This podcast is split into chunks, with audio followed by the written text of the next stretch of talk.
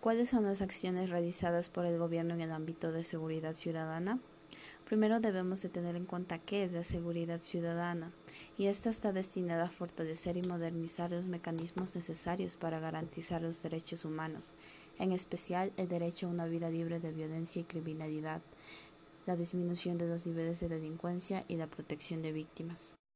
La seguridad ciudadana en el Ecuador. La mayor parte de denuncias realizadas por extranjeros al EQ 911 han sido realizadas en los meses de julio a diciembre de 2015, que están ligadas a la seguridad ciudadana con un 69%. Las acciones que han realizado en el ámbito de seguridad ciudadana es incorporar el Servicio Integrado de Seguridad ECO 911, que es una institución gubernamental con enfoque en la seguridad integral y el bienestar social.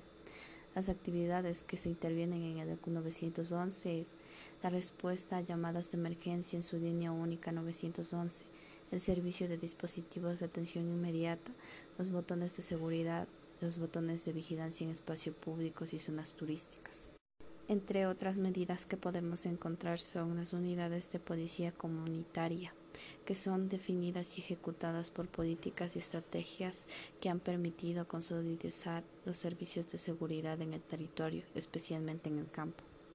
También se han incorporado unidades de policía comunitaria, especialmente en territorios de campo, el Servicio de Seguridad Turística de la Policía Nacional que se centra en el Distrito Metropolitano de Quito, que ayuda y brinda asistencia personalizada a turistas y extranjeros, realizando patrullajes preventivos en los lugares turísticos con alta afluencia de visitantes.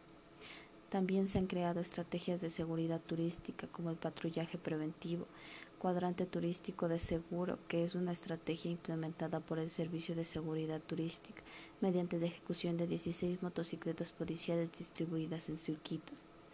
Y el City Tour Seguro, que es una estrategia ejecutada con los vehículos patrulleros de Servicio de Seguridad Turística.